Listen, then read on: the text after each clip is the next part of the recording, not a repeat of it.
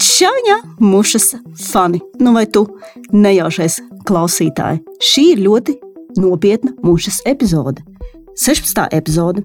Viņa būs par veselību, bet tā ir ļoti svinīga tādēļ, ka mūs jau ir noklausījušies 50 tūkstoši cilvēku. Mēs nespējam nocēt, ka mums ir izdevies sasniegt šo ciparu. Lielas paldies visiem tiem, kas mums raksta jaukas ziņas. Paldies arī tiem, kas dažreiz uzraksta par to, ka kāds stāsts nelikās ok. Paldies tiem, kas atsūta savus stāstus un saņemas un atnāk uz kādu no mušas pasākumiem, lai tos izstāstītu. Un liela mīlestība tiem, kas stāsta saviem kolēģiem, stāsta saviem draugiem par mušu un vienkārši priecājas kopā ar mums par to, ka cilvēki dalās ar savām pieredzēm un ļauj mums piedzīvot kaut nedaudz no viņu dzīves pieredzēm. Janvāris. Janvārs ir tas mēnesis, kad mēs visi nolēmām, ka mēs noteikti dzīvosim šo gadu daudz labāk. Domājam par veselību, kāds ir atmetis smēķēšanu, piemēram, es. Nu jau 17 dienas nesmēķēju, domāju par to katru dienu un sapņoju par to, kāds varbūt izlēms ir dzert mazāk vai varbūt vispār nedzert, sportot atsākuši esam, sporta zāles abonementi ir sapirkti un tam līdzīgi. Un tādēļ mēs nolēmām, janvārs ir īstais brīdis, lai mēs saliktu kopā iedvesmojošus, brīnišķīgus, nu kā jau tas ir mušā pieņemts stāstus par veselību. Šodien jūs dzirdēsiet stāstus no Elīnas Malasenko, Justīnas Savickas un Madaras Ivertas. Būs viss! Nu ko? mušas vani. Vai esam gatavi? Nu, tad mācām. Tātad. Pirmo stāstu mēs nosaucām numuriņš ar skatu. Elīna ir cilvēks, kas mums atrakstīja. Atrakstīja ar tekstu, ka viņai ir diezgan apkaunojošs stāsts, tāds, par kuru viņai likās, ka ar viņu dzīvē tas nekad nevarētu notikt. Un tomēr notika.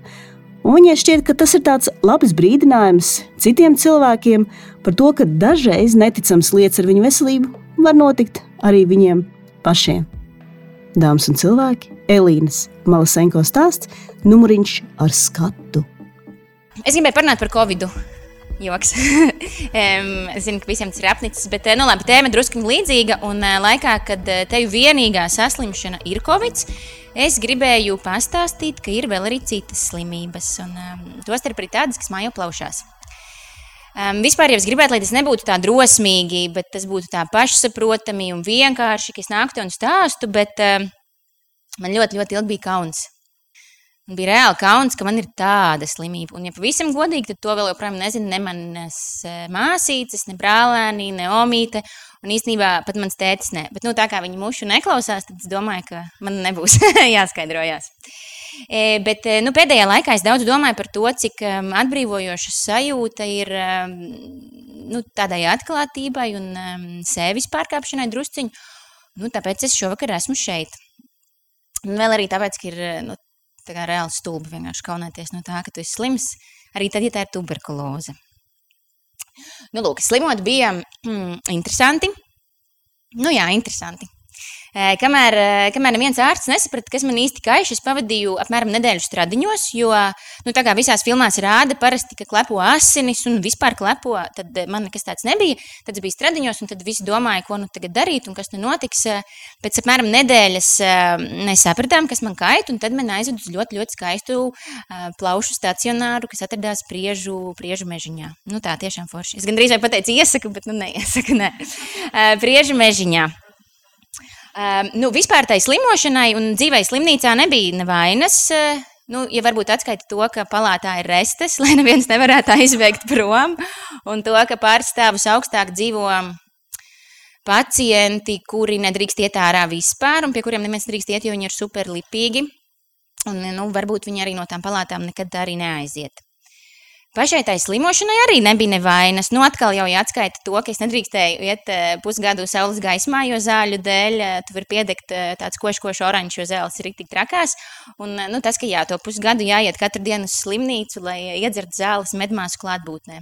Nu, ja ir tāds cilvēks, kam patīk tās zāles spļaut ārā un slimot, un, tad, tad ir tāds, tāds pieņemts mm, likums, ka ir obligāti jādzer zāles medmāsu klātbūtnē.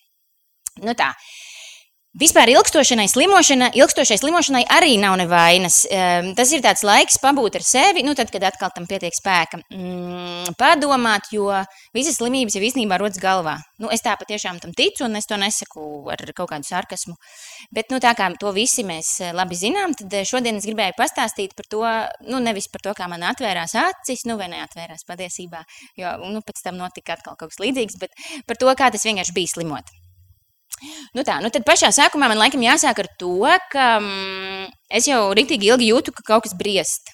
Es zināju, ka kaut kas, kaut kā drīz notiks. Es tikai nebiju tā gaidījusi, ka tas būs kaut kas tik ļoti nopietns. Jo, nu, kā mēs visi zinām, tad eh, katrā cienīgā pagājušā gadsimta romānā vismaz viens varonis nomirst no diloņa. Dilons ir tā tuberkuloze.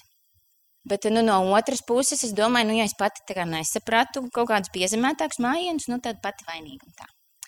Nu, tad tā, tas viss sākās novembra vidū, bija sestdiena. Es biju mm, pasākumā, kuras pati organizēju. Un tad tas pasākums gāja uz beigām, un es sapriecājos, jo beidzot būs sestdienas vakars brīvs un būs svētdiena brīva, un tad, nu, tā kā ritīgi forši. Un tad es gāju mājās, bet es biju tik nenormāli nogurusi. Nu tā, ka es stūmu riteni, nevis gāju ar kājām. Un tad pa ceļam man uz mājām bija vests, un es domāju, es iešu iedzert vīnu, un es uzreiz jutīšos labāk. Nu, tā kā es atslābināšos, un viss būs atkal forši. Bet tas bija mans pēdējais vīns apmēram kādu nu, nākamo gadu. Nu, tad es izdzēru savu vīnu, aizstūmu mājās rīčuku, mm, apsēdos gultā, izmērīju temperatūru, man bija 39. Mm, es sapriecājos īstenībā, Jo tas nozīmē, ka es varu neiet ciemos, jo es biju paredzējis iet ciemos pie draugiem. un, eh, nu, te, protams, tagad es esmu baigi gudrā, un es varu teikt, ka tā varbūt arī ir tā daļa no problēmas saknes. Un, kā, mēs katrs varam sev droši vien pajautāt, vai tiešām, nu, kā, vai tiešām, tiešām ir vajadzīgs attaisnojošs iemesls, lai darītu kaut ko, ko tajā brīdī negribas, un kas pat nav obligāts, vai nu, kam nepietiek spēka. Nu, tā. Bet, nu, es, protams, tagad esmu gudra, bet nu, var dalīties savās mācībās. Tātad eh, ciemos neaizgāju, jo man bija attaisnojuši iemesls. Visu nākamo nedēļu es slimoju, kaut ko tur mēģināju strādāt. Tas bija arī stulbi. Es tagad tā vairs nedarītu, bet es jau teicu, apmēram trīs reizes, ka tagad es esmu daudz gudrāka. Mēģināju kaut ko strādāt, ļoti, ļoti, ļoti sāpēja galva. Bet es esmu apzinīga, tāpēc es ļoti ātri aizgāju pie ģimenes ārstes. Es aizgāju pie ģimenes ārstes, un viņi man konstatēja, konstatēja vīrusu parasto. Jo man nebija ne iesnas, ne klepus, tikai tāda liela temperatūra, un man ļoti sāpēja galva. Es nebiju paredzējis teikt piecas reizes, ka esmu gudra, bet, bet tagad es esmu ļoti gudra. Un sarkanais karoks īstenībā bija vairāki. Es sūdzējos ģimenes ārstē arī par to, ka man bija durstošas plēc, sāpes, plēc, atvainojiet, sāpes plecām. Bet toreiz mēs to nesavilkām nekādā veidā kopā ar nogurumu vai, vai temperatūru, tad izrādījās, ka man sāpēja plauša. Es nezināju, ka plauša var sāpēt. Jā, to jūs tagad arī zināt. Es nezinu, kāds zināja, ka plauši var sāpēt. Nē, es arī nē. Nu, tas nebija ļoti sāpīgi, vienkārši bija ļoti interesanti. Uh, nu, vēl viens sarkanais karogs bija tas, ka es ļoti, ļoti svīdu. Nu, tā kā rīktīgi, rīktīgi. Tagad es, protams, arī zinu, ka tas ir viens no tuberkulozes tādām, tādiem nu, acīm redzamākajiem simptomiem. Ja tu naktīs nu, super, duper, paranormāls līsti, tā ka tev piecas reizes jāmaina palagi, nu, tad var, nu, kā, varbūt vajag pateikt ārstam. Bet nu, es, protams, kā tāds vidusmēra latvietis, latvieti parastā būdam, es domāju, ka tas īstenībā ir rīktīgi veselīgi, jo es taču dzeru tik daudz tējas. Un es tā kā, nu, visu, visu vīstu ārā un viss tas sliktais Tas, tas viss, tas viss iziet ārā. Un tad es tā ārstam nemaz neteicu, ka es ļoti svīstu, jo es domāju, tas taču ir labi. Hm? Nu tā. Nu, lūk, nu tad man it kā palika labāk, jo es apmēram nedēļu nogulēju gultā un visu laiku ēdu siermaizes. Un tad es aizgāju vēlreiz pie ģimenes ārsta, un viņa teica, nu, Elīna, izskatās, ka tev paliek labāk, un tu varētu pēc pāris dienām iet uz darbu. Un es domāju, hm, forši. Bet pēc pāris dienām es nokļuvu slimnīcā. Priekšā bija četras brīvdienas par godu Latvijas valsts svētkiem. Bija Latvijas dzimšanas diena. Un bija pirmā no tām četrām brīvdienām, un man atkal sacēlās ļoti, ļoti augsta temperatūra. Un tā kā bija tās brīvdienas, tad es ar ģimenes ārstu čatoju Vācijā. Man to laik bija privātā ģimenes ārste. Man bija nu, tāda parastā, bet viņa atļāva ar sevi čatot. Un uh, viņa teica, nu, ka tā kā ir jau tāds ilgs laiks pagājis, ka varbūt vajadzētu tomēr saukt ātrā palīdzību. Un es teicu, nu labi. Tad es izsaucu ātrā palīdzību, un tad pie manis atbrauca jauka jauna cilvēka komanda, kas bija ļoti acīm eh, redzamā neizpratnē, kāpēc eh, šī princese Elīda Malašenko viņas vispār ir izsaukusi, jo pirmkārt atvēra pati durvis. Es viņus ieaicināju iekšā, es pastāstīju, kas man kaiš, mm, es neasiņoju, es arī nemiru, o, nu, es arī nelīmējos gar sienām. Nu, tā. Un viņi nu, bija ļoti neapmierināti. Nu, nu, tiešām. Bet nu, te man atkal jāpiemina, gan, ka man tas sāpju slieksnis ir diezgan augsts, jo es nu, apmēram jau kādu pusgadu nebiju pamanījusi, ka man tā nu, tuberkuloze ir. Kā, nu, tas nav īsti nekāds attaisnojums. Nu, jā, nu, tad viņi man izmeklēja, un tad viņi teica, ka man ir divas iespējas. Vai nu es varu braukt līdzi, vai nu viņi man var iedot nosūtījumu, un es varu iet uz visādām analīzēm, un tad es beidzot varēšu saprast, kas man kait. Tad, nu, tā. Nu, es, protams, izvēlējos braukt līdzi, un ne jau tāpēc, ka man patīk slimnīcā pavadīt svētkus, bet tāpēc, ka es sapratu, ka nu, priekšā ir tās četras brīvdienas, un, ja es gribēšu tikt līdz tām analīzēm, tad, nu, nezinu, gals būs ātrāk klāt, nekā es sagaidīšu, kamēr es tieku līdz tām analīzēm. Tad mēs aizbraucām uz uzņemšanas nodaļu. Uh, nu, par uzņemšanas nodaļu vai par vienu dienu uzņemšanas nodaļā īstenībā varētu izstāstīt nu, atsevišķu uh, stāstu patiesībā, bet nu, es mēģināšu tā pavisam īsi. Um, uzņemšanas nodaļa ir interesanta tāpēc, ka tur ir nu, dažni dažādākie cilvēki. Katrs no, nu, katrs pavisam savādāks, kat, citādāki, atšķirīgi vecumi, katrs no savas mājasaimniecības, sociālā burbuļu, burbuļu un tā tālāk un tā joprojām. Un tas, kas to padara vēl interesantāk, ir tas, ka uzņemšanas nodaļā nav palātu, bet ir tikai tāda aizskariņa starp gultām. Es nezinu, vai tā ir vēl joprojām, jo tāpēc, tagad ir stājies spēkā GDPR, bet nu, varbūt tā vēl joprojām ir. Bet katrā ziņā, tā kā tur ir tikai tie aizskariņi, tad tu ļoti labi nu, kā, sajūti to uzņemšanas organismu un saproti, kas notiek eh, apmēram pasaulē un tā. Nu, piemēram, man blakus gulēja tāda kundze gados, eh, kas patiesībā uzņemšanas nodaļā bija tāpēc, ka viņai vienkārši bija bail no vientulības. Um, tad, kad ārsti bija viņu apskatījuši un pateikuši, ka viņi drīkst braukt mājās, viņa nu, tiešām mēģināja visādos veidos lūgties un izlūgties, kaut viņi varētu palikt drusku ilgāk. Jo viņiem bija bail, ka viņi varētu noģībt, vai, vai ka viņi varētu nepiezvanīt ātrajiem. Un, um, tad ārsti tā smalkjūtīgi mēģināja viņai paskaidrot, ka nu, bailes palikt vienā īsti nav tāds iemesls, lai viņu varētu ielikt nodaļā, jo vienkārši gultu pietrūkst. Nu, tā, citādāk viņi labprāt viņu būtu ielikuši un pieskatījuši, bet nu, tā. Un tad bija, labi, šis nebija smieklīgi, tas vienkārši bija bēdīgi, bet tad bija viens tāds smieklīgāks gadījums, tāpēc, ka tur gulēja tāds opis, ko visi medicīnas darbinieki man šķiet jau pazina. un viņi visi kopā mēģināja noskaidrot, kad bija pēdējā reize, kad šis te opis bija, nu, tā kā nedzēris. Bet viņš bija foršs, jo viņš bija ļoti godīgs. Un tad viņam jautāja, kad bija tā diena, un viņš īstenībā nemācīja atbildēt. Tad, kad viņam jautāja vakar, aizvakar, pagājušā nedēļa, pagājušā mēnesis, pagājušā gada, tad ārsti vienkārši beidz jautāt un teica, labi, ir nu, fine. Nu, protams, ka tur bija arī tik daudz visādi. Mm, dusmīgi, dusmīgi onkuļi un tantes. Un tad es vienkārši gulēju, skatījos griestos un domāju, cik tās administrators un medmāsas un sanitāri īstenībā ir tik izturīgi. Protams, ka neiztika arī bez romantiskām epizodēm. Mm, piemēram, lai gan es nebiju divas nedēļas mazgājusi matus, apmēram. Es arī nebiju saposusies šai uzņemšanas nodaļas pieredzēji. Un man bija 39 temperatūra, un es tur diezgan daudz svīdu, un nu, tā mēģināju gulēt. Bet uh, tur bija tāds gados jauns sanitārs, kurš, kurš bija novietojis savu krēslu starp tiem aizskriņiem tā, lai es varētu redzēt, ka viņš visu laiku met uz mani acis un smaida. Nu, es to, to domāju, nu, ka man jau tā baigi netraucē, bet nu, tad ļoti saudabīga gaume. bet tad es arī domāju, ka tam jaunajam cilvēkam droši vien eh, vienkārši ir nu, ļoti daudz darba un nav īsti laika iet uz klubiņiem. un tā, un es domāju, nu, nu tā kā fajn. um, nu jā, tad... Um, Pēc pirmajām analīzēm pie manis atnāca ārste. Viņa ar sevi iepazīstināja. Forša, skaista, jauna, blondiem matiem viņa bija. Un viņa teica, ka viņi domā, ka man ir meningīts. Nu, viņi pateica vienkārši, kā viņi sauc, un tad viņi teica, nu, mēs domājam, ka jums ir meningīts. Es tā ļoti mierīgi atbildēju, nu, ņemot vērā to, ka, ja, man, ja tas tiešām ir meningīts, tad nu, pēc apmēram trijām dienām man ir tā kā game over. Tad man likās, ka es biju ļoti mierīga, un es teicu, nu, ka man tā nešķiet, un ka es esmu vakcinējusies pret meningītu vispār. Un viņi teica, tas neko nenozīmē. un aizgāja prom. un es domāju, Nu, tagad, par, domājot par to, ko es eh, šokar stāstīšu, es domāju, nu, forši, ka es neesmu, pirmkārt, forši, ka es neesmu histēriķe, nu, tā, nu, ka es nebiju galīgi bēdīga, nu, saprotot, ka man trīs dienas palikušas, ko dzīvot, un, eh, nu, vēl, ka es ceru, ka, nu, tiem slimnīcas, eh, slimnīcas personālam kopš, kopš tā laika ir tā kā, nu, vairāk iejūtīgi, iejūtīgas komunikācijas, kaut kādas nodarbības vai kaut kas tam līdzīgs. Nu tā.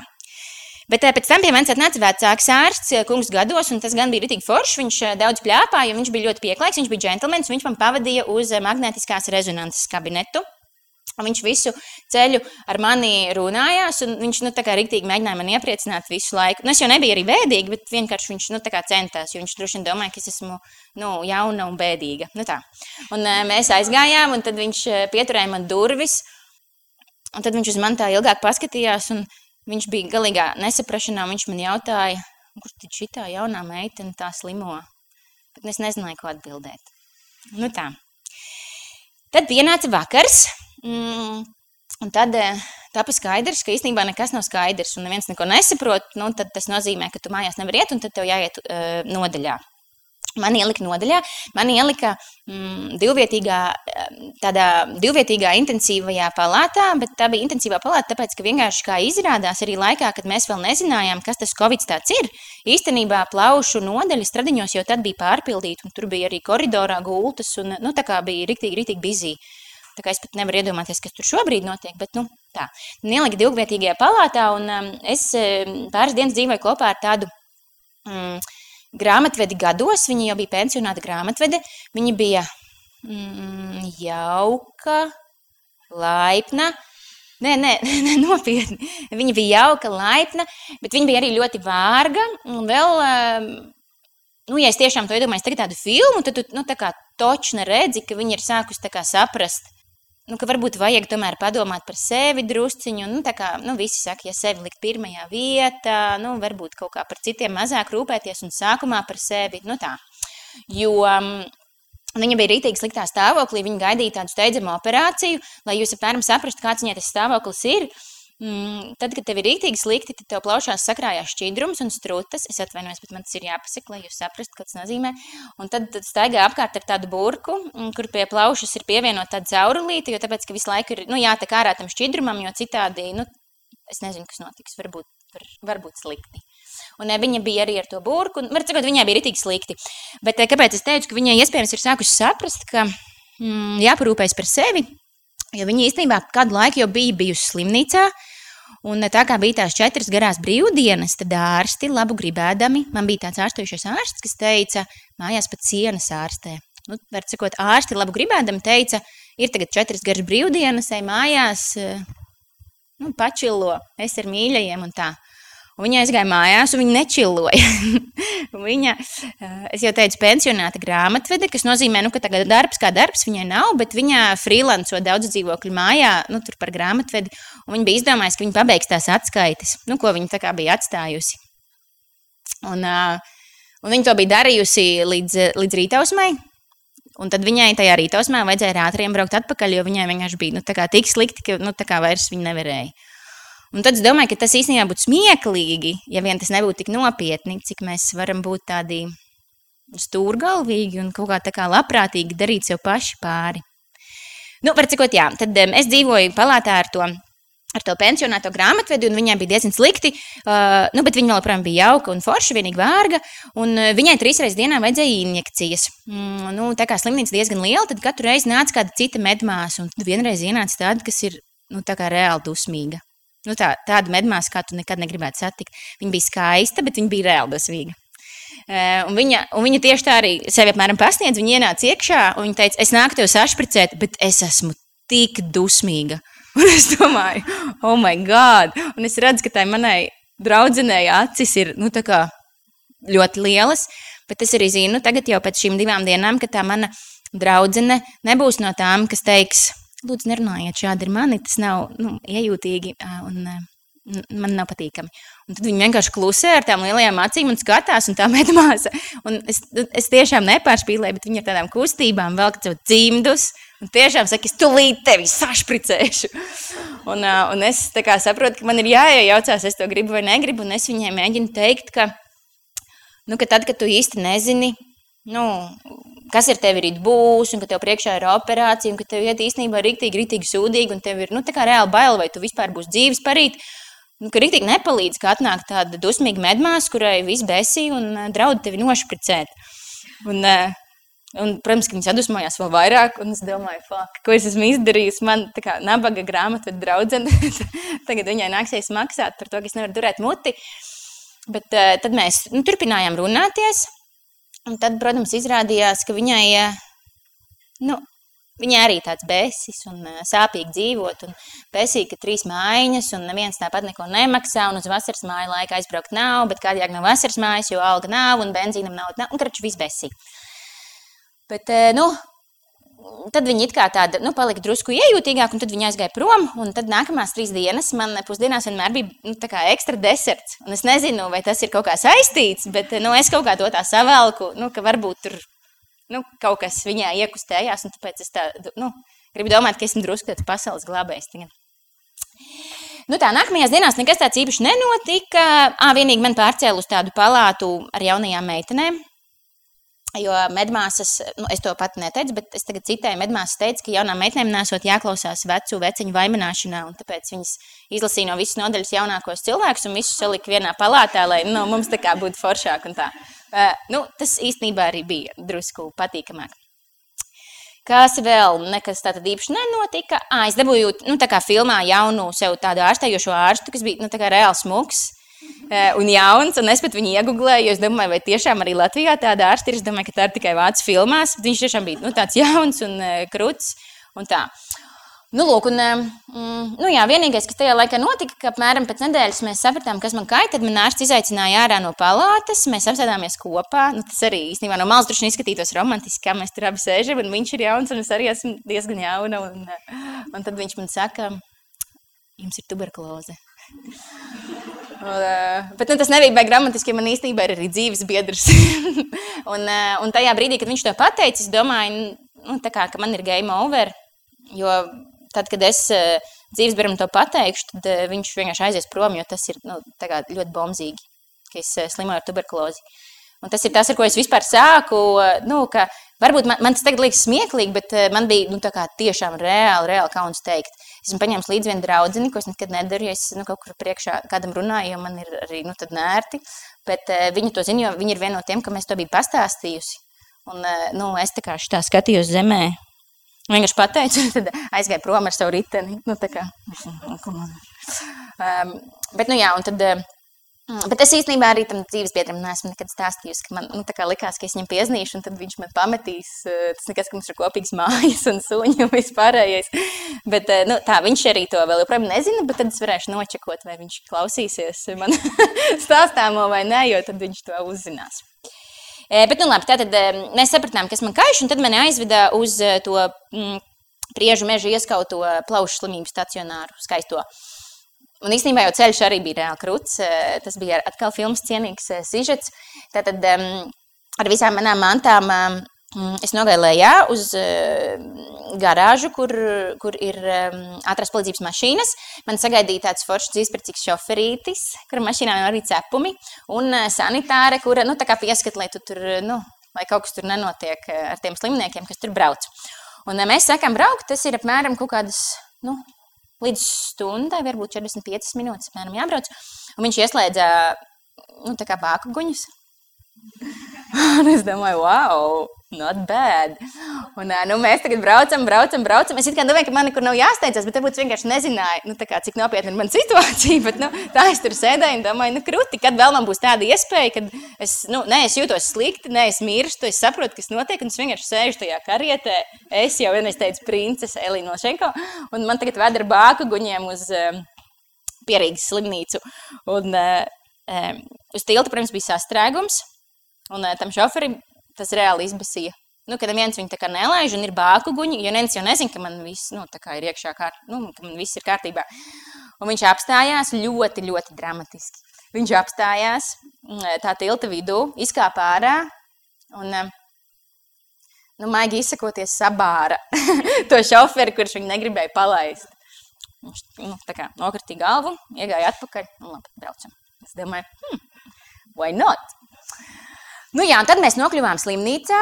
Mm, e, tur es iepazinos ar savu palātas biedru. Es biju kopā ar vēl vienu jaunu meiteni palātā, nu, kas ir pats par sevi tāds liels notikums īstenībā, tāpēc, ka, nu, ņemot vērā to slimnīcas un slimību pacientu kontingentu, tad mēs laikam pa visu to mēnesi, kad es tur biju, mēs laikam bijām arī vienīgās. Jau, pirmkārt, gan, gan sievietes, gan, gan arī nu, gados jauni cilvēki, jo pārsvarā tomēr ar plaušu slimībām mm, slimo cilvēki. Mm, cilvēki gados, un, nu, kā es redzēju, slimnīcā tie bija tādi vecāki kungi. Atšķirībā no manis, gan bija skaidrs zināms, kur viņa ir saslimusi. Viņai bija inficējusies visa ģimene, mm, arī mazā māsīca. Viņai bija tāds onkulis, kurš nu, bija tāds eh, krūtais, izturīgais latvietis, kurš vienkārši ritīgi kaut kādu gadu bija juties reāli slikti, bet viņš negāja pie ārsta, tāpēc, ka, nu, nu ko, kāpēc? Un tad izrādījās, ka pa to gadu viņš jau bija attīstījis rezistento formu, kas nozīmē, nu, ka tad jau vairs nav tik viegli, viņš bija arī viens no tiem, kas bija tur tā, nu, tajā augšā, ko es minēju sākumā, ka tur Tā tu tā nevari tikt ārā un tu nevari nekur iziet ārā. Tad es biju tajā slimnīcā. Ah, jā, nu, tur bija arī īstenībā interesanti. Um, Tiklīdz es uzsāku zāļu terapiju, man kļuva labāk. Uh, nu, tā kā tu svīsti ar vien mazāk, un tas jau vien ir forši. Un tā, protams, nogurums neatstāja vēl gana ilgi, bet tad izrādījās, ka man bija ne tikai tuberkuloze, bet man bija arī iztaigāts plauškarsonis, un eh, arī plērīts, un arī plaušā šķidrums. Un es domāju, ka tas ir arī ļoti interesanti, tīpaši ņemot vērā to, ka man bija tāds aktīvs dzīvesveids, un kaut kādas 3-4 reizes nedēļā es vēl arī pirms darba labprāt gāju sportot, nu, uz tādiem eh, intervālu treniņiem. Ah, sagadīšanās pēc šeit sēž mana eh, kolēģe sportā, ar ko mēs kādreiz kopā no rītiem sportojam, tā kā viņi var nu, tā kā apstiprināt, jā, jā jā, Elīna daudz sportoja. Um, nu, bet uh, tad varbūt arī tā ir vēl viena tāda, tā teikt, problēma, mm, par kuru jāpadomā, ka, nu, ja tu tā kā tā teikt, aizdzīvojies tik tālu, ka tu nejūti intensīvi sportojot, ka tev nu, vienas plaušas nav, nu, tad tur kaut kas, nu, kaut kas nav tā īsti, īsti forši. Bet, nu, mm, kā jau es teicu, vairākas reizes slimnīcā nebija slikti, atskaitot varbūt eh, drusku tādu nepatīkamu procedūru, ka tev kad no plaušas eh, sūc ārā to, to šķidrumu un eh, viss kaut kādas citas pārbaudas bija ļoti labi. Ko es tur darīju? Trīs reizes dienā es gāju pēc zālēm, jo um, zāles vienmēr, es jau teicu, ir nu, jādzer tā kā medmāsu klātbūtnē, um, tāpēc, ka izrādās ir cilvēki, kuri ļoti grib slimot un uh, Un, tāpēc ir pieņemts tāds noteikums, ka zāles ir obligāti jāizdzer ar medmās, un tad viņai jāparāda mēlē, lai viņi var paskatīties, vai tas tiešām tās zāles tā. Jo nu, pirms kaut kādiem vairākiem gadiem, nu, tā man māsiņa vismaz stāstīja, ka tad, kad nokusis sniegs, Tad eh, pavasarī nu, zem tiem restotajiem logiem atrada čūpu ar zālēm, un tad visi saprata, ka laikam tur kaut kas īsti nedarbojās.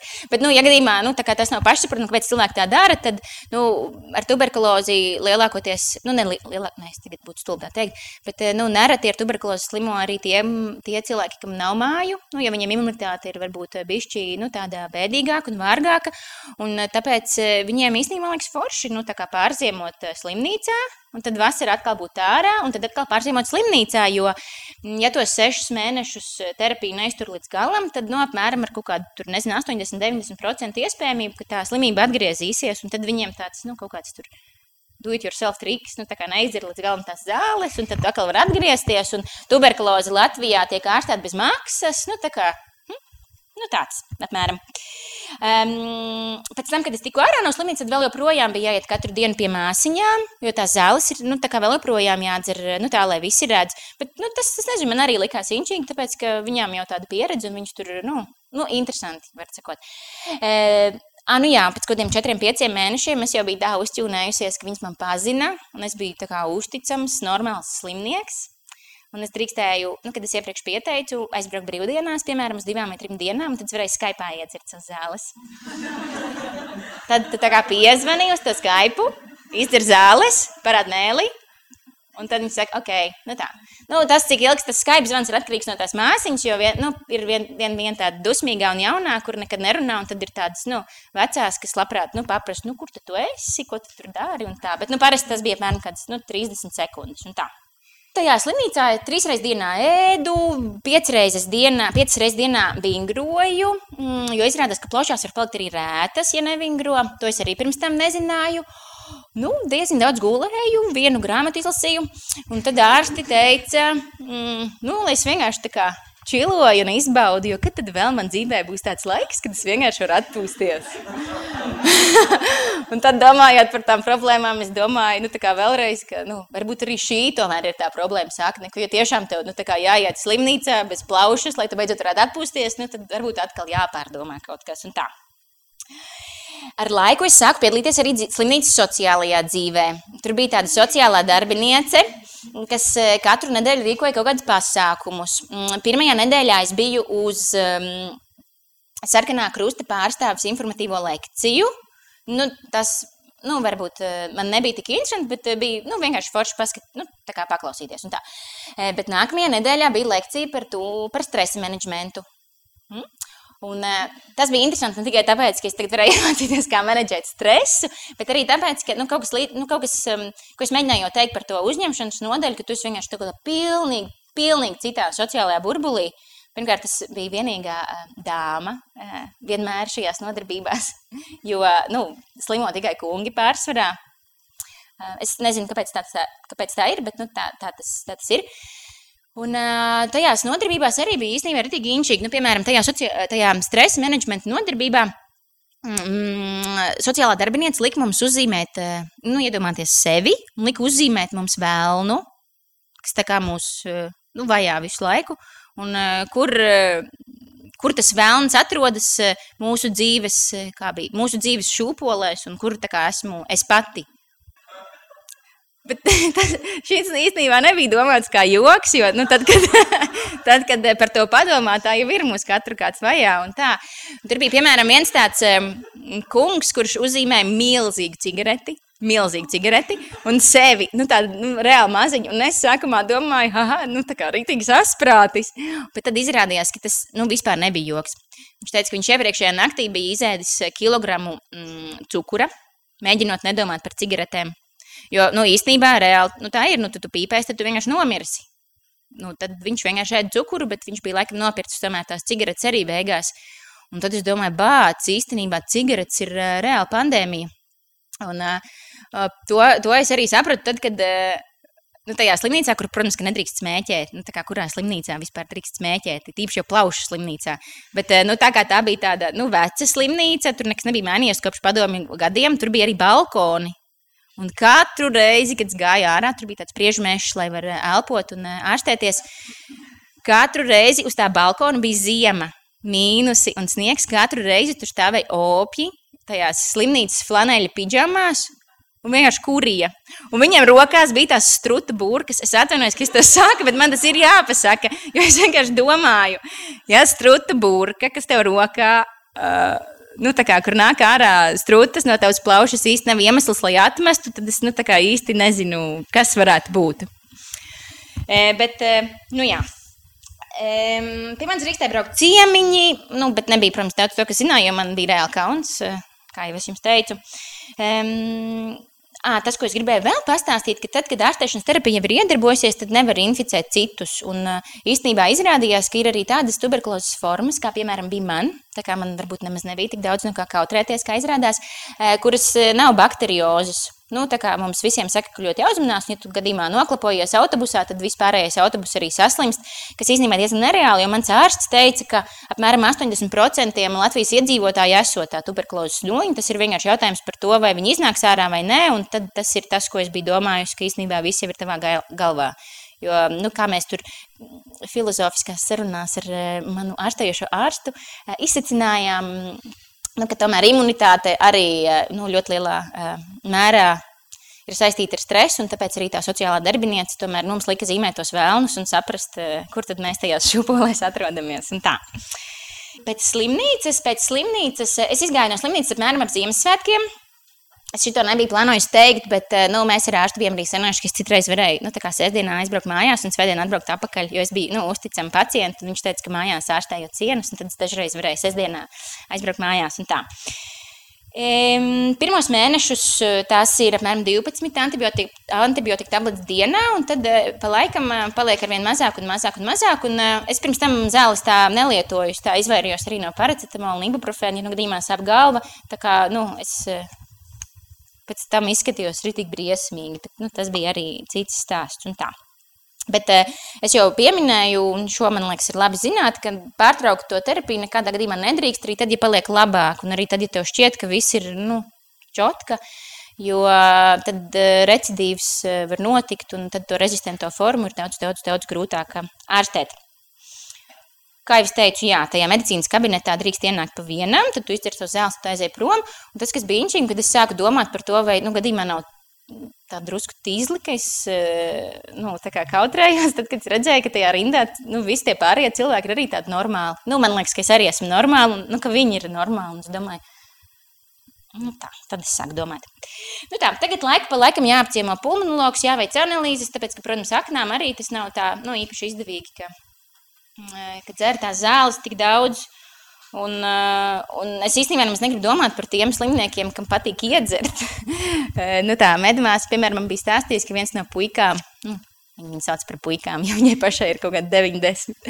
Uh, viens no puikām bija uh, iesnaudies pavasara saulītē uz trepēm, bija saticies ar zaļo pūķi. Un, Un bija atnācis nākamajā dienā vispār oranžs, tā kā ķieģelis, un vispār nevarēja pastaigāt, jo, nu, tā kā tu nedrīkst iziet saulē, un tad tu aizmiedz pavasar saulītē, un tad, nu, tā kā slikti, viņi viņu nebija atpazinusi, tā viņa teica. Um, nu tā, es jau stāstīju, ka ārstēšana tuberkulozes slimniekam Latvijā ir bez maksas. Visdrīzāk to būtu savādāk ļoti grūti apkarot.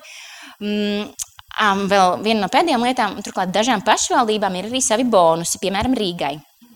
Tātad Katru reizi, kad es aizēju izdzert savas zāles, man izsniedz 2,30 eiro ceļa naudai, bet tā kā es dzīvoju Bruņinieku ielā, un slimošanas kabinets atrodas pie Origo, es viņus gāju kājām katru dienu. Un tie ir 2,30 eiro dienā. Nu, tas nav maz. Plus, katru reizi, kad aizēji izdzert zāles, tev izsniedz dāvanu karti viena eiro vērtībā maksimā. Kas nozīmē, ka mēneša beigās mēs ar manu dzīves biedru iepērkamies maksimā un maksājam ar 30 plastikāta dāvanu kartē. nu, tas arī viss. Ja nu vienīgi varbūt neilgi pēc ārstēšanās beigām es biju Nīderlandē, tur es kādreiz dzīvoju. Un es satikos ar tādu mīļu kolēģi, un uh, viņa bija nesen um, beigusi, nu, ja to var saukt par uh, beigšanu vispār, beigusi cīnīties ar vēzi, un viņa man stāstīja, kā viņai gāja, Un tad man liekas, nu, tā diezgan parasti nevienam nestāstīja, ka es tur arī slimoju ar kaut ko, jo nu, man taču bija kauns un tā, bet es domāju, nu, man šoreiz ir. Nu, Šoreiz es varētu pateikt. Un es viņai pastāstīju, un es Dominikai arī teicu, ka man ir nu, kā, nu, reāli kauns, un es mājās nevienu nestāstu. Un viņa vienkārši kādas divas minūtes klusēja un skatījās uz mani nu, uz pilnīgu nezinu, lohatronu. Es ne, nevaru atrast labāku vārdu. Un tad es sapratu, ka nu, jāsāk varbūt nu, ka vienkārši ir reāli stulbi kaunēties par to, ka tu esi slims. Arī tad, ja tā ir tuberkuloze.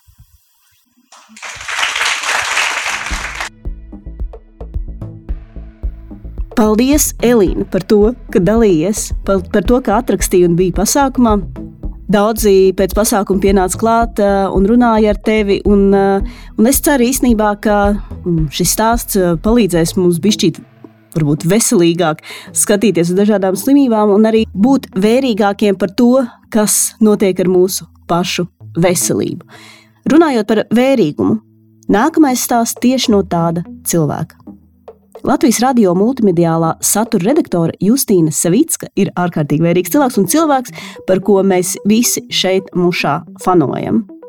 Viņa stāv aiz daudziem podkāstiem un aiz daudziem multimediāliem stāstiem, eh, par kuriem jūs noteikti esat dzirdējuši. Piemēram, Tēta projekts, par ko viņi saņēma arī žurnālistikas balvu, un um, šokējošais podkāsts um, Vajadzēs noģērties, kuru, ja jūs neesat noklausījušies, es noteikti, noteikti ieteiktu jums to izdarīt. Man ir jābrīdina, ka Justīnas stāsts runā par ēšanas traucējumiem. Un uh, kā cilvēks, kurai pašai ir bijusi šāda problēma, es zinu, ka dažreiz klausīties par diētām un klausīties par ēšanas traucējumiem triggerē tevi vēlmi atsākt šīs neveselīgās rīcības, vēlmi tievēt un vēlmi būt tievākai. Tādēļ ikvienam, kuram varētu likties, ka nevajadzētu šo stāstu dzirdēt, es iesaku patīt uz priekšu un klausīties uzreiz mūsu trešo stāstu. Bet visiem pārējiem Justīnas Savickas stāsts Ditona nams. Tā, es jums pastāstīšu vēl kaut ko par to, kas es esmu. Um, tagad es esmu uh, cilvēks, kam ir suns. Uh, un man ļoti, ļoti, ļoti nepatīk cilvēki, kuri slikti izturas pret uh, saviem suņiem vai kaut kā nepareizi. Tad es uz ielas uz viņiem vienkārši uz suņiem vairs neskatos, jo es gaidu, ka viņš tajā brīdī kaut ko ļoti slikti izdarīs, tas cilvēks.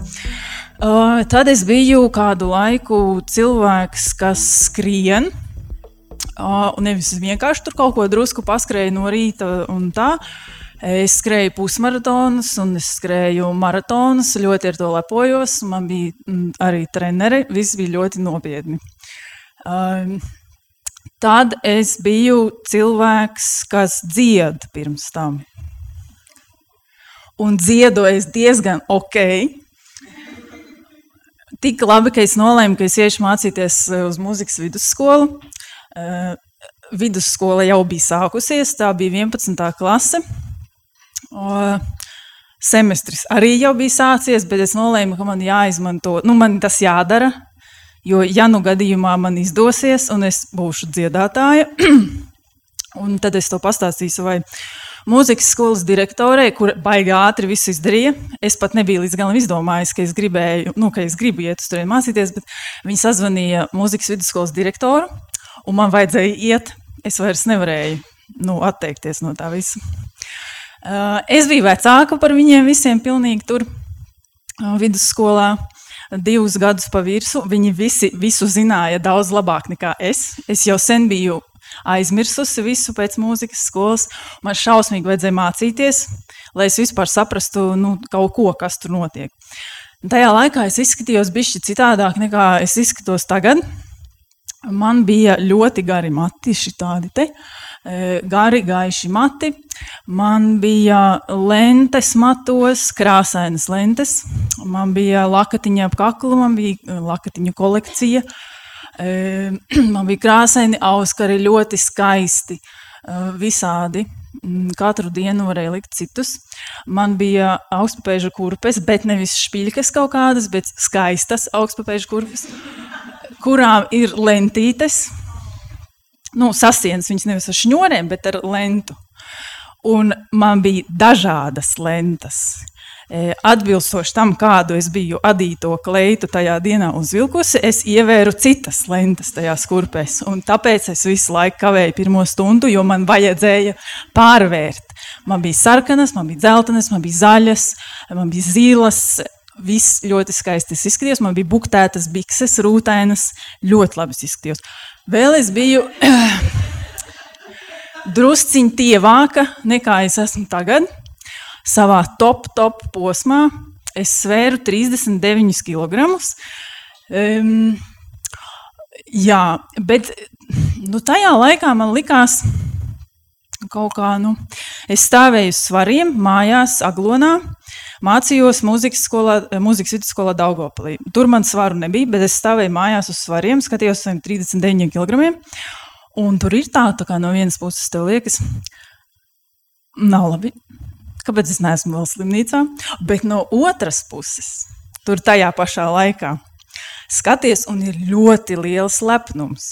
Nu, ka, nu, o, kā es varu, o, visi rīķi Un kamēr viņi visi rīja, es svaru 39 kg. Nu tā. Un man tajā laikā bija visādi rituāli, um, jocīgi tādi, pēc kuriem man šķiet, ka es tagad varu atpazīt cilvēkus, kuriem ir ēšanas traucējumi. Uh, piemēram, nu, ēd visu laiku vienā laikā. Nu, labi, daudz ēd vienā laikā.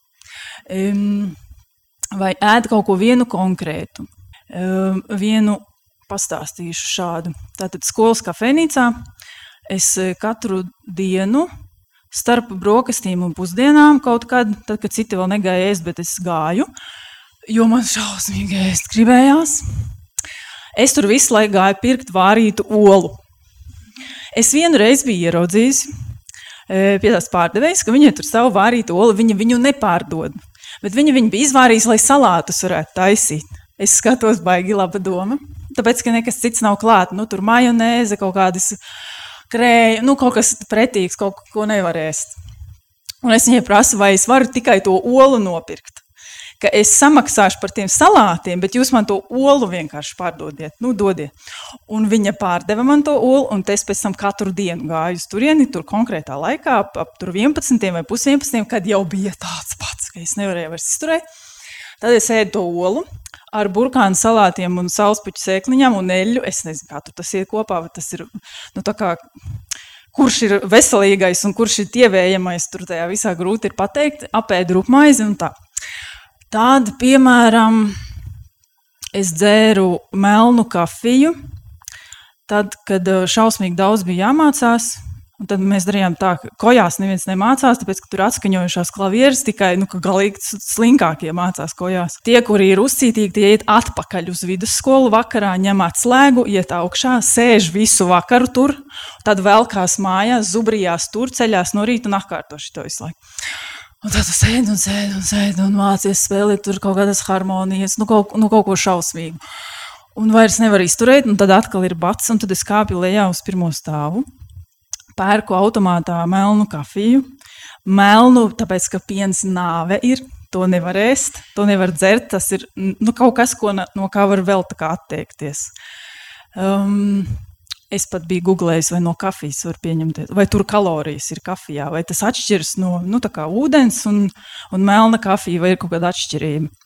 Un tad es gāju atpakaļ uz klasi, dzēru to kafiju, un, bet, lai nebūtu tik bēdīgi, es ēdu kopā ar to kafiju burkānu. Nav, nu viņi nav negaršīgi. Burkāni ir garšīgi, viņi ir saldi. Un man gribējās kaut ko saldu, un es ēdu um, to burkānu. Um, gāju es mājās nu, uz kopmītnēm no, no stundām caur uh, Ditonu, ja kāds ir bijis Daugopilī, liela tāda ēka, tur centrā ir nu, tirgus, karoči tas ir. Lupatas tur visādas pārdotas smaržas, nu visu, un tirgus iekštelpās, nu normāli tur ir. Un vienā tajā gaitenī Tur bija tāds aparāts, kur par santīmiem, e, kaut kādiem 20, 50, nezinu cik, varēja izmērīt asinsspiedienu un kaut ko tur tam līdzīgu, un tur arī nosvērties varēja. Un tad es katru dienu no tās mūzikas vidusskolas gāju caur Ditonu namu uz to aparātu, kur es varu nosvērties tajā dienā, lai es zinātu, vai kaut kas ir mainījies. Tad es vilkos atpakaļ uz uh, kojām. Man bija zilumi uz ādas, vienkārši no sēdēšanas, no kauliem, uz gurniem, uz dibena. Um, Bet es visu laiku par ēdienu domāju, man tā kā no viņa bail bija, bet es redzēju par viņu visu laiku nenormāli domāju, nu, pēc kā ēst gribas. Bet no viņa visu laiku arī ir bail. Tad es skrēju daudz. Tad es sāku savu skriešanas karjeru tajā laikā, jo tā var, nu, tad tur var iztērēt kaut ko no tā visa, ko tu esi apēdis nenormāli daudz. Tad es biju atradusi tādu treniņu programmu, ko sauc P90. Pēc tam bija P90X. Tā bija vēl grūtāka. Tur tu pusotru stundu vai stundu lēkā no viena istabas gala. Šitā te kaut kā un tā. Un tad ir vairākas reizes tas tiek atkārtots pa apli. Un ļoti daudz šādu nu, ļoti labi treniņi bija. Nevarēja izvilkt līdz galam, un tas ir labi. Tas ir ļoti labi. Ja tu nevari to izpildīt, tas ir tik grūti, ka tu nevari to izpildīt, tad strādā kaut kas tajā visā. Kaut kādā posmā man beidzās mēneša reizes loģiski. Mani tas nesevišķi uztrauca. Manu mammu tas šausmīgi uztrauca. Ja tas nozīmē, ka nebūs bērnu gaņa vai kaut kas šausmīgs, tāds tiks šausmīgs. Būs, un tad mēs gājām pie visādiem ārstiem, kuriem gan jau radās aizdomas, ka tas tāpēc, ka es baigi neko nesvaru daudz. Bet mēs gājām pie tiem ārstiem tik un tā. Es gāju pie ginekologa, kurš man uzdeva šo jautājumu, vai, nu kas, vai tu nav tā, ka es nēdu neko. Man liekas, ka es viņu pārliecināju. Viņam vajadzēja kaut ko izdomāt, un viņš pierakstīja kaut kādu ļoti interesantu uh, diagnozi, uh, kuru pēc tam tā endokrinoloģija, pie kuras es gāju pēc tam, teica, ka baigi gudrs ārsts. Es, viņš bija attaisījis grāmatu vaļā kaut kādu, šķirstītās lapas. Viņš atrada to diagnozi, un viņš pierakstīja viņu tur. Tur bija kaut kas saistīts ar gonadotropajiem hormoniem. Es nezinu, kas tas ir. Tagad es nezinu vairs. Un viņu disfunkciju vai kaut ko tamlīdzīgu, un tāpēc man to mēnešu tur nav. Oh, toreiz es visu zināju, man likās baigi loģiski, ka tā varētu būt. Jo tā ir tā ļoti dīvaina lieta. Nav tā, ka es nesaprotu, ka tas viss ir tāpēc, ka es neko nesvaru. Bet reizē liekas, ah, nu varbūt. Varbūt tā ir. Varbūt tās labas lietas vienkārši reizē tur pastāv. Tad es gāju uz magnētisko rezonanci, kuras skatījās man smadzenēs, kas tur notiek ar to hipofīzi, kas eh, ražo tos hormonus. Izrādījās, ka viss ar to hipofīzi ir kārtībā. Tad ar tiem rezultātiem es gāju pie eh, endokrinoloģijas. Es braucu uz Rīgu, jo mana krustmāte bija sarunājusi šo endokrinoloģiju, pie kuras nevar vispār tikt neviens cilvēks. Viņa ir ļoti gudra. Viņa māca universitātē cilvēkus. Bieži braucu uz tādām konferencēm, un viņa mani ārstēs. Tad es esmu pie viņas. Viņai arī bija aizdomas, ka tas ir tāpēc, ka es neko nesvaru. Bet, nu labi, viņi ielika man dienas stacionārā, um, lai varētu lētāk vienkārši tās pārbaudas visus uztaisīt. Tur nezinu, ko viņi tur īsti taisīja, bet es biju gaļasdarā. Visu laiku apmaldījos, nav iespējams gaļasdarā neko atrast, uz kurieni tev ir norādīts iet, visu laiku visu nokavēju. Bet, labi, sēdēju tajā palātā ar vairākām sievietēm, kurām es nezinu, vai visām, bet daļai no viņām bija diabetes.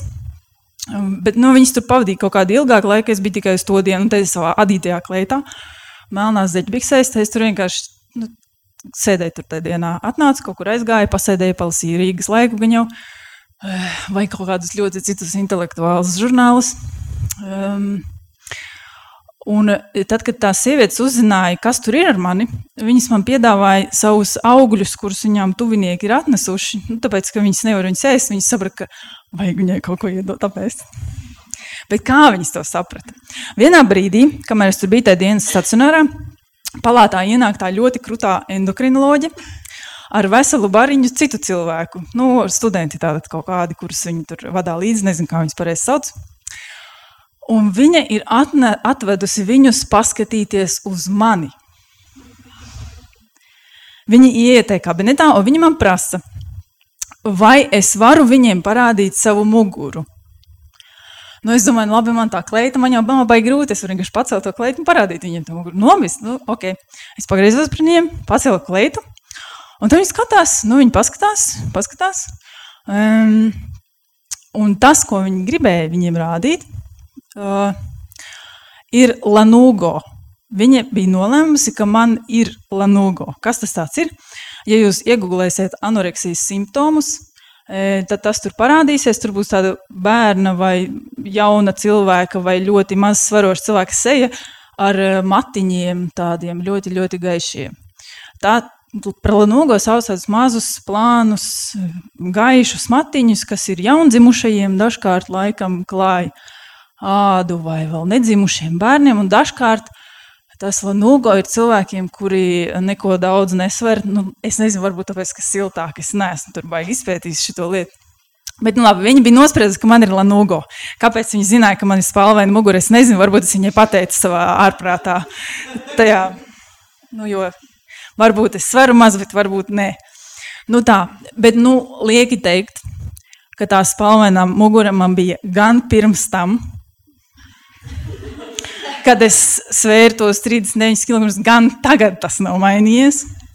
Tā kā es domāju, ka tas nebija ilgo nekādā gadījumā. Um, nu tā, vai es sapratu, kas notiek? Man šķiet, ka līdz galam īsti nē. Nu, jo no vienas puses saproti, ka ar tevi kaut kas nav kārtībā, bet no otras puses tur ir tā doma, ka nu, nu, nu, varbūt, nu, varbūt tur kaut kas cits ir. Vai mana mamma saprata, tas varētu likties tāds labs jautājums. Nu, jo viņa man vadīja pie tiem ārstiem. Viņa noteikti saprata, ka ar mani kaut kas nav kārtībā.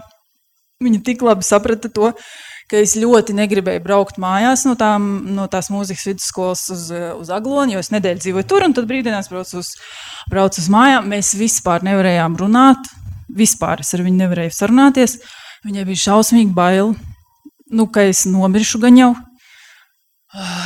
Un viņa mani visu laiku kontrolēja. Visu laiku skatījās uz mani. Man ļoti nepatika, kā viņa skatās uz mani un kaut ko komentēja. Un tad viņai bija visādas frāzes, kuras viņa teica, kuras man tik ļoti nepatika un kaitināja, lika justies tik slikti, ka es viņas toreiz biju pierakstījusi blogā. ko es arī rakstīju, un es to blogu. Ziniet, kāpēc es viņu rakstīju? Lai es varētu tikt universitātē, um, lai man būtu alternatīvs ceļš e, tai dziedāšanai. Es biju nolēmusi šo savu slimību, visu uztaisīt par kaut kādu radošu projektu, kurš man obligāti ļaus tikt tajā universitātē. Tātad, viņai tur bija šādas frāzes, kuras viņa man teica, tad, kad es piemēram kaut kādas diētiskas receptes tur taisīju, jo man vajadzēja vēl nu, parastā krējuma vietā kaut kāds diētisks krējums vai saldā krējums, šitādā vietā kaut kāds tur šitāds krējums citādāks. Viņa tu teica, um, nu, ka, ka šitā tu centies, ja? Viņa latgaliski teica, citai tu centīs, da? Otkon. Un tad viņa ir tādu sarkasmu vai ironiju, es nezinu, kurš ir īstais vārds. Viņa teica, nu, ka tu laikam esi svarā pieņēmusies, ja? ka tev vajag šito te kaut kādu to tavu recepti taisīt. Brālis bija mans vienīgais tuvinieks, ar kuru es varēju runāt vispār tajā laikā, tāpēc, ka viņš vispār neko par šo man neteica, neko neprasīja, vai es tur ēdu viņam. Es nezinu, vai viņam tas neinteresē, vai viņam likās, ka tāpat nekādas jēgas nav. Nezinu. Viņš patiesībā ar mani vingroja reizē to P90X. Viņš arī gribēja notievēt, varbūt, nu, kā.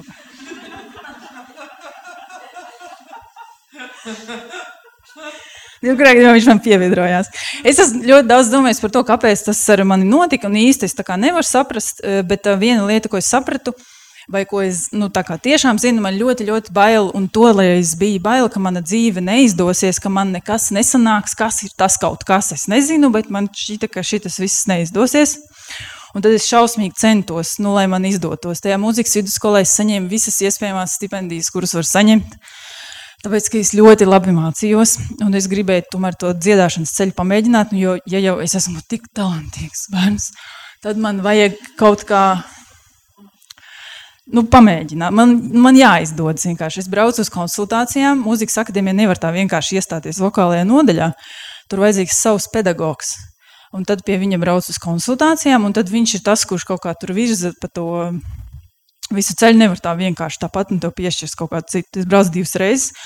Pirmo reizi es neatceros, kas tā bija par uh, pedagoģi. Bet uh, otrajā reizē es, reizē es aizbraucu, tāpēc, ka tā mana mūzikas skolas direktore uzskatīja, ka tā pirmā nekam nedara. Viņa vienkārši neredz manu talantu. Un tad es biju pie Anitas Garančas, pie slavenās Anitas Garančas, slavenās Elīnas Garančas mammas. Uh, tad es viņas konsultēju, tās konsultācijas laikā viņa man prasīja, kur ir plaušas. Varbūt tas viņai tāds kontroli jautājums, lai saprastu, nu vai šis cilvēks ir nopietni domājis par šo jautājumu, nu, ka man vajadzētu tik ļoti gribēt dziedāt, ka man vajadzētu zināt, kā tur tā dziedāšana izstrādā. Nezināju, kur tās plaušas te. Šeit ir, bet man liekas, viņas nav tur. Man liekas, viņas kaut kur šitā ir. Nu tā, nu jau grēkā gadījumā. Viņa pēc tam man parādīja, un es jau aizmirsu. Tas gan jau kaut ko arī nozīmē. Oh. Nu, bet es gatavojos, nu, ja nu man neizdodas. Es nokārtoju angļu valodas eksāmenu divas reizes.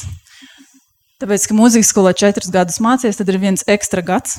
Un tad es nokārtoju angļu valodas eksāmenu ar savu kursu. Un tad es um, ne nevis ar savu, bet ar to, kas ir gadu vecāki. Un es pēc tam viņu kārtoju ar to savējo. Gāju pie privātas skolotājas, lai man būtu pats augstākais līmenis, lai es tiktu universitātē. Viena gada laikā es iemācījos visu pamatskolas vielu matemātikā, jo man likās, ka es nepabeigšu vidusskolu. Mums toreiz bija tāds, es nezinu, vai tas ir mīts vai tas ir īstam, ka var nolikt tik slikti to eksāmenu, ka viņi iedod pēc tam nevis atestātu, bet kaut kādu lapu, ka tu esi noklausījies to kursu. Es nezinu, vai tas pa īstam. Bet man liekas, ka man toču to lapu iedos un man nebūs atestāta. Tāpēc es šausmīgi mācījos matemātiku. Jo tuvāk nāca tie eksāmeni, jo sliktāk kļuva.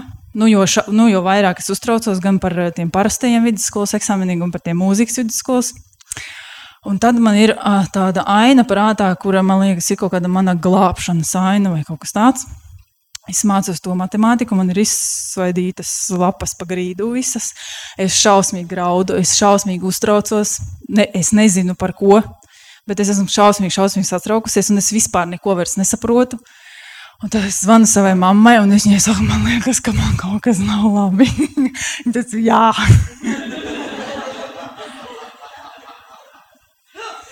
Tā varētu būt. Bet vispār viņi man ļoti iedrošināja. Viņi man teica, ka tev jāiet pie ārsta, atrodi ārstu.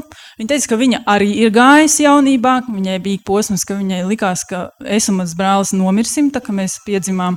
Un viņa man iedrošināja ar šo, nu, ka, ja viņa ir gājusi un viņa ir ok, nu, tad es arī varu iet, tas nav tik traki. Es atradu internetā, kur tur Daugopilī ir kaut kādi eh, terapeiti. Pie psihologa es iet negribēju, jo tas man likās baigi nenopietni. Es gāju pie psihoterapeita. Eh, es atradu viņu mājaslapu, atradu telefonu, tad pirms stundām parciņā pie kojām pīpējot, jo es pīpēju tajā laikā, pēc tam es atmetu, jo man liekas, ka nevar pīpēt un dziedāt, tas nav pareizi.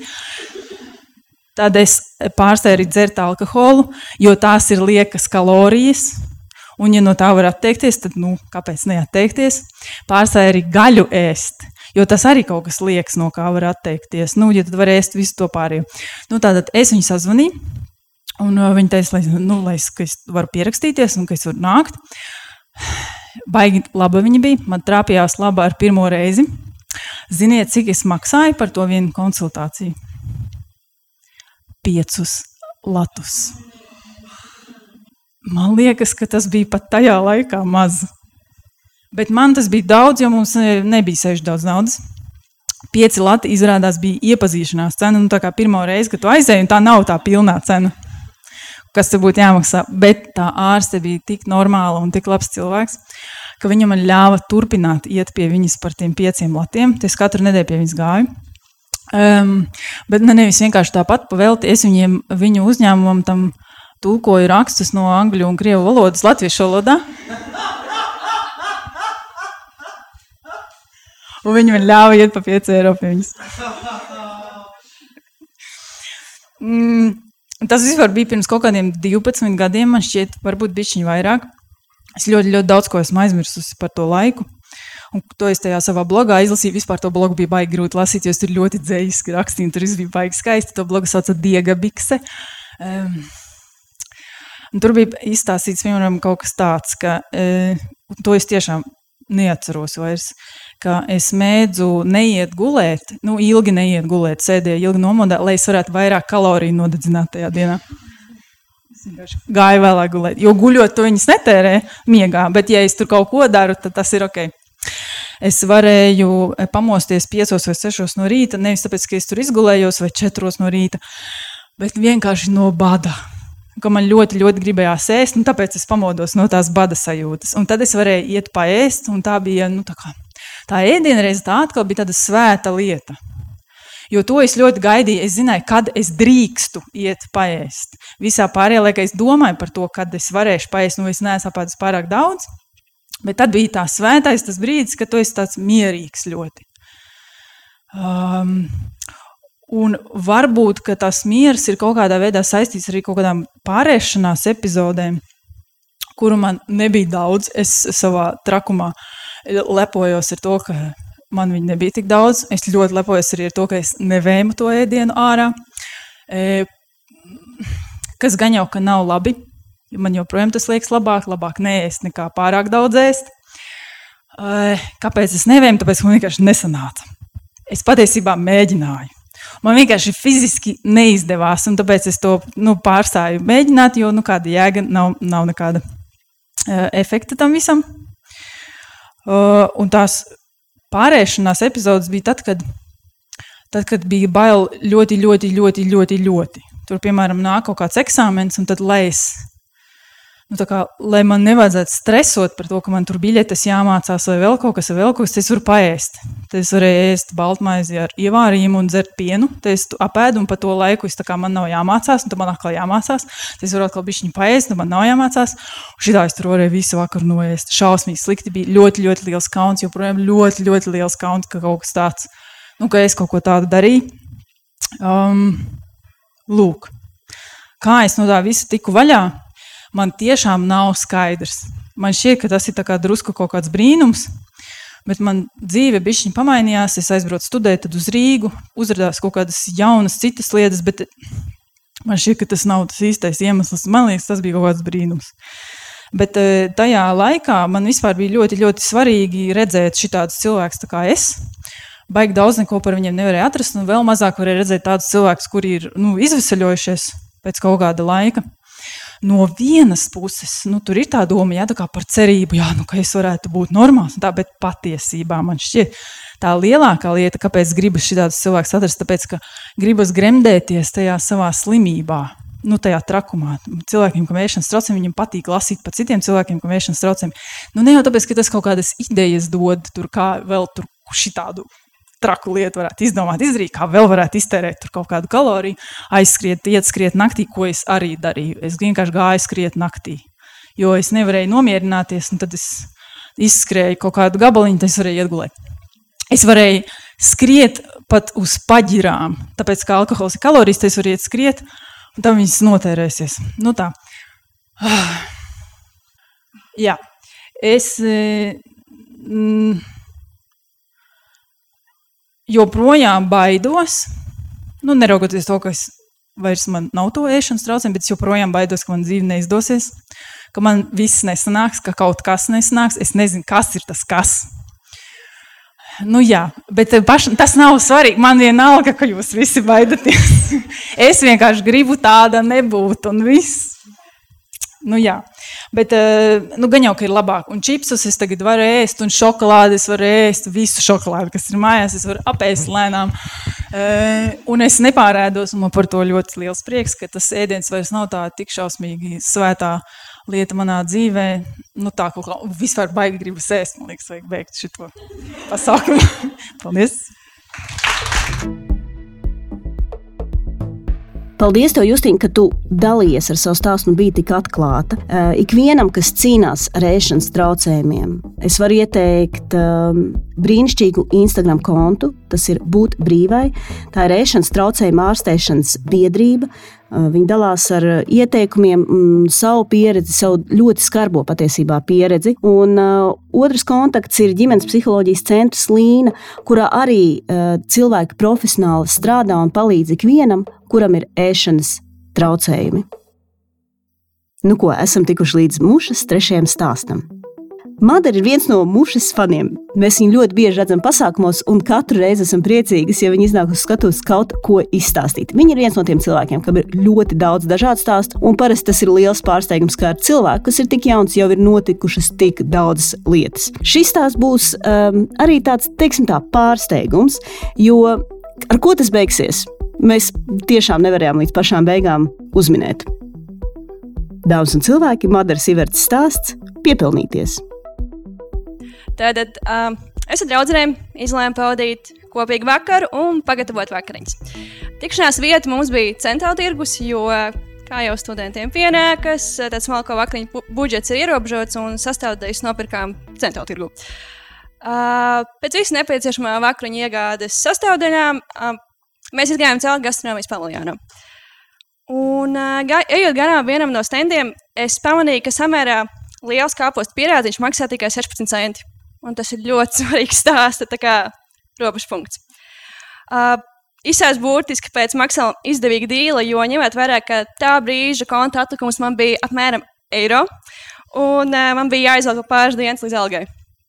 Tad uh, izlemts, es ņemu šo pierādziņu par 16 centiem. Draudzens arī kaut ko tur ņēma, un uh, mēs ejam pie manas draudzenes ciemos. Kaut kur apmēram pie Vērmanas uh, dārza Es notiesāju to rīktīgi milzīgo pierēdziņu, uh, iepakoju maisiņu saņur, saņurcīju, ieliku virsjakā un uh, turpiniet. Un tad es saprotu, ka man kaut kā ir aizdomīgi tukšas rokas. Nu, pierādziņa vairs nav, jā, bet uh, somi ir uz pleciem, Alda maisiņš arī man ir līdzi, jo es domāju par dabu. Uh, jā, un tad es saprotu, ka ir viens liels bets. Un tad es apjautu, ka man nav datoru līdzi. No mājām izējot, lai tik, uz tikšanās vietu centrālā tirgu es biju paņēmis līdzi datoru, jo bija plānojis veikt uh, kopīgi studiju darbus ar draugiem. Bet, lai šo visu stāstu padarītu vēl dramatiskāku, protams, uh, galvenā dramatiskā daļa ir tā, ka tas dators nebija mans personīgais. To es aizņēmos no savas draudzenes, uh, kamēr savējo bija nodevusi remontā. Uh, nu, skaidrs, jā, ka es to savu datoru atstāju pie tā nelaimīgā pierādziņa stenda. Skrēju atpakaļ, skrējot atpakaļ, man draudzene centās mierināt, ka Madara ir taču daudz labu cilvēku šīs pasaules. Ir, bet ne jau centrā tirgu. Uh, nu, jā. Tik ātri, nokļūst no vēmens dārza līdz centrālajai tirgumam. Es nekad nebiju skrējusi savā mūžā. Es biju burtiski kaut kāds supersuns būtu. Uh, ieskrēju paviljonā, atskrēju pie tā stenda un, protams, datoru tur nav. Neviena no pārdevējām apmeklētājiem neko, neko nav redzējusi, un arī pie apsargas nav atstāts nu, nozaudētajās vietās šis dators. Vai jūs kādreiz esat jutušies tik ļoti nožēlojami un izmisuši, ka raudat gastronomijas paviljona vidū? Es esmu. Un tā es tur raudu, cenšos izdomāt rīcības plānu. Nu, ok, skaidrs, es tur paraudu, saņemos, un saprotu, ka jāiet ir uz tuvāko iecirkni. Tuvākais iecirknis ir Gogoļielas iecirknis.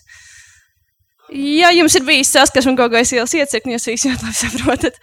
Um, nu jā, Uh, es tur naivuma pilna darbiniekam, policijas iecirknē visu tur stāstu, un uh, kas tur ir noticis. Un uh, draudzene pat pielieto savas mākslinieckās uh, zināšanas un uzzīmē precīzi notikumu plānu. un uh, es uzdevu policistam tādu jautājumu, jūs, jūs aizbrauksiet un apskatīsieties visas kameras, jā? Un viņš man atbildēja, protams, protams, protams. Spoilers, nē. Viņi nebrauc skatīties, bet to bišķi vēlāk. Uh, nu jā, Izraudojot visas pasaules asaras, iziet ārā no tā gogojas iecirkņa, mēs dodamies atpakaļ uz mājām, lai beidzot uztaisītu tās vakariņas. Un arī atrast uh, jēgpilnu un legālu, bet tas nav obligāti, veidu, kā iegūt uh, apmēram 1000 eiro tagad uz vietas īsā laikā, lai tad nu, nopirktu vietā to datoru. Uh, kredīti ņemt nebija variants, jo uz to brīdi mana darba pieredze bija ļoti, ļoti maza, un uh, es strādāju pusslodzē apģērba veikalā. Un uh, domāšanas procesā bija dažādi veidi. Mēs dzērām vīnu. Nu, kā mēs visi zinām, vīns palīdz atrisināt visas pasaules problēmas. Un, jā, bija dažādi varianti. Sākot ar orgānu pārdošanu, beidzot nelegālo vielu tirgošanu. Reāli burtis gāja visprātā.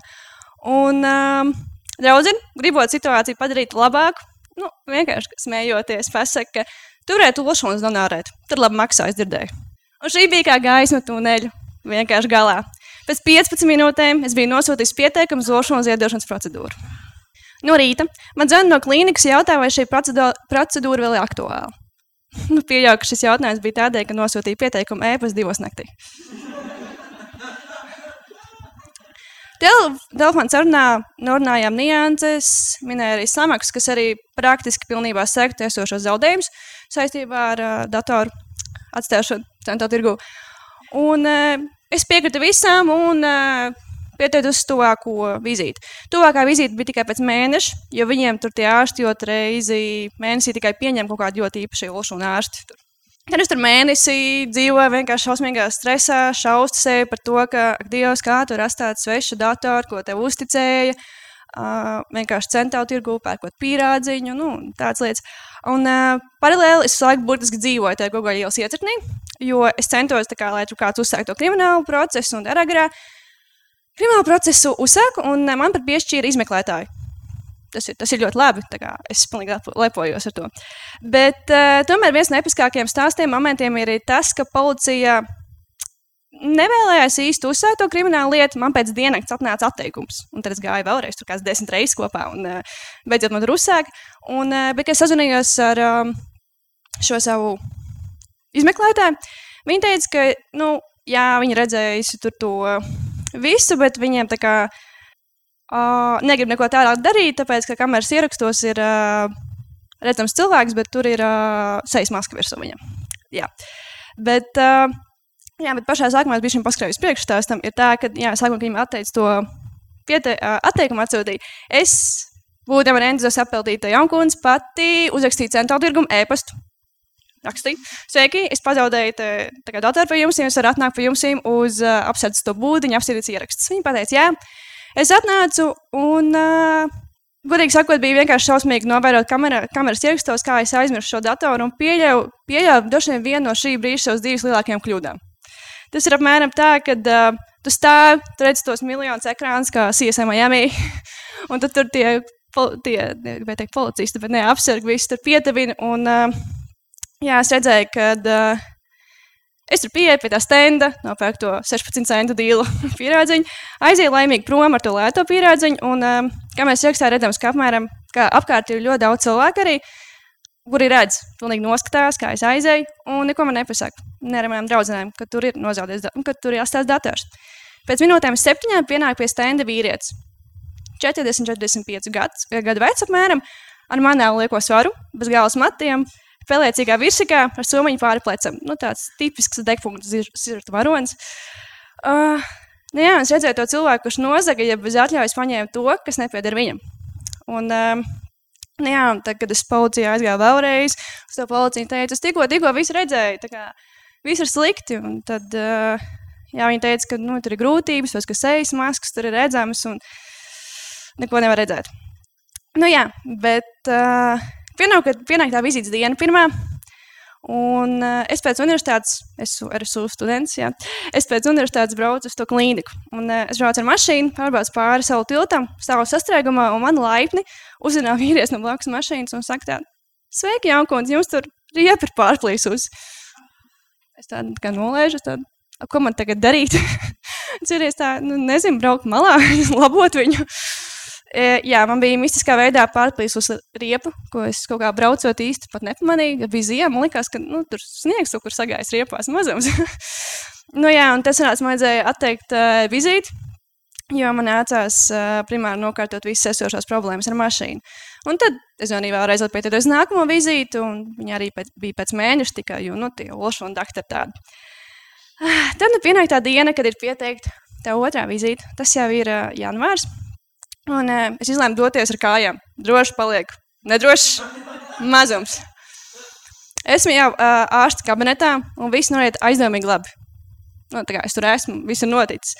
Un, uh, man tā doktora stāsta visu norises gaitu, nu, ka sākumā būs ginekoloģis apmeklējums, tad narkologs, tad psihoterapeits, kam man jāstāsta, ka es nekad, nekad neko neesmu dzērusi, lietojusi, viss ir man kārtībā. Un uh, tās lielās analīzes, kuras tur nosaka manu chromosomu stāvokli un visas citas veselības lietas, un vēl kas ļoti būtiski, arī pirms pirmās vizītes, un pirms šīs otrās vizītes, es divas nedēļas vai pat nedēļu nedzēru vispār alkoholu. Es gatavojos. Es tā kā man bija tāds analīzēm jābūt labām. Nu, jā. Un tad uh, vienā brīdī, kad es tādu uzģērbta esmu, uh, doktora aplūko manas tetovējumus un jautā, kad es esmu izveidojis kādu no tiem pēdējo reizi. Un es atkal tādu entuziasmu pilnu atbildi, ka, nu, vienu piecus mēnešus atpakaļ, un to otru vispār nedēļu atpakaļ. Tā doktora beidza smaidīt. Un viņa teica, ka izrādās, lai uh, veiktu šo ziedošanas visu epopēju, nedrīkst pusgadu būt operācijas. Un tās operācijas ir arī tetovējums. Jo tad ir paaugstināts risks, ka tu vari inficēties ar HIV vai hepatītu C. Nu, tad es pavadīju tur kamerā 15 minūtes un devos prom. Tātad no labajām ziņām, ka vismaz ieguvu bezmaksas ginekologa apmeklējumu. Un apstiprināja, ka mans oršons ir tīri ok un derīgi ziedošanai. Nu, man ceļā bija pacēlās, man tas vēl. Tā kā, jā, uh, bet no sliktajām, uh, ka man jāuzsāk trešo reizi, šis olšons mēģinājums ziedot jūlijā, kad būs pagājis pusgads no pēdējā tetovējuma. Tad, uh, tad gala rezonējums, ko viņš šo pateikt, ir tāds, ka uh, lūdzu, vienmēr sekojiet līdz savām mantām. Jo cenšoties iekarmēt naudu, lai iegādātos pierādziņu par 16 centiem, jūs varat zaudēt 1000 eiro. um, vienmēr esat cilvēcīgi. Ja redzēju, ka kāds pieļauj savas dzīves lielāku kļūdu un atstāja datoru centrālā tirgu, pasakiet viņiem to. Noteikti pasakiet. Un, ja vēlaties donēt vošūnas, dāmas un cilvēki, tad netaisiet tetovējumus, jo, jo jums to nejautās tie pieteikšanās anketā, un arī tās konsultācijas pa telefonu nejautās, jums tas ir vai nav.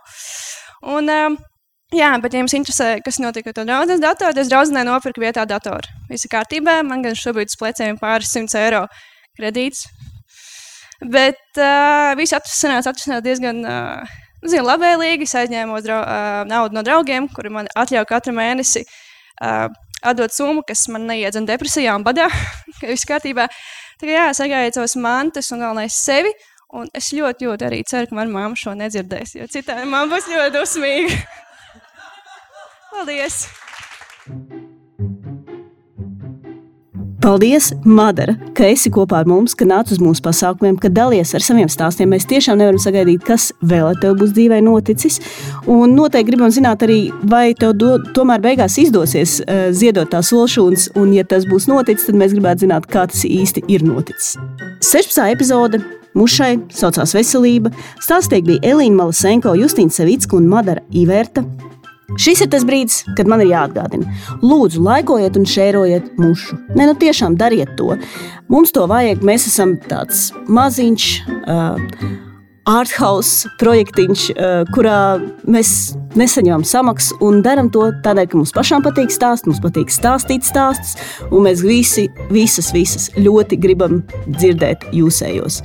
Vai tur ir pazemojums, vai lietas notika ne tā, kā bija plānots? Vai tu esi kaut kur notizlojies? Vai tev likās, ka šis būs tavs dzīves augstākais punkts, un beigās tas bija tavs dzīves zemākais punkts? Tad tas ir mušas stāsts. Nu ko, 16. epizode ir galā. Nākamā epizode, ap citu, būs kriminālnieks. Tur būs vairāki diezgan krimināli stāsti. Mēs ļoti ceram, ka viņi iznāks pēc mēneša. Varbūt nē, tu jau zināt, kā tas notiek mušā. Dažreiz izdodas, dažreiz nē. Tieši tā kā dzīvē. Podkāstu mūsu veido Alis Krauja, Agat Mežula, Monta Kaiva, Kerija Broka, Marta Herc un es, Džēma Sudraba. Šērojiet un laikojiet! Un tā, pučiņās! thank you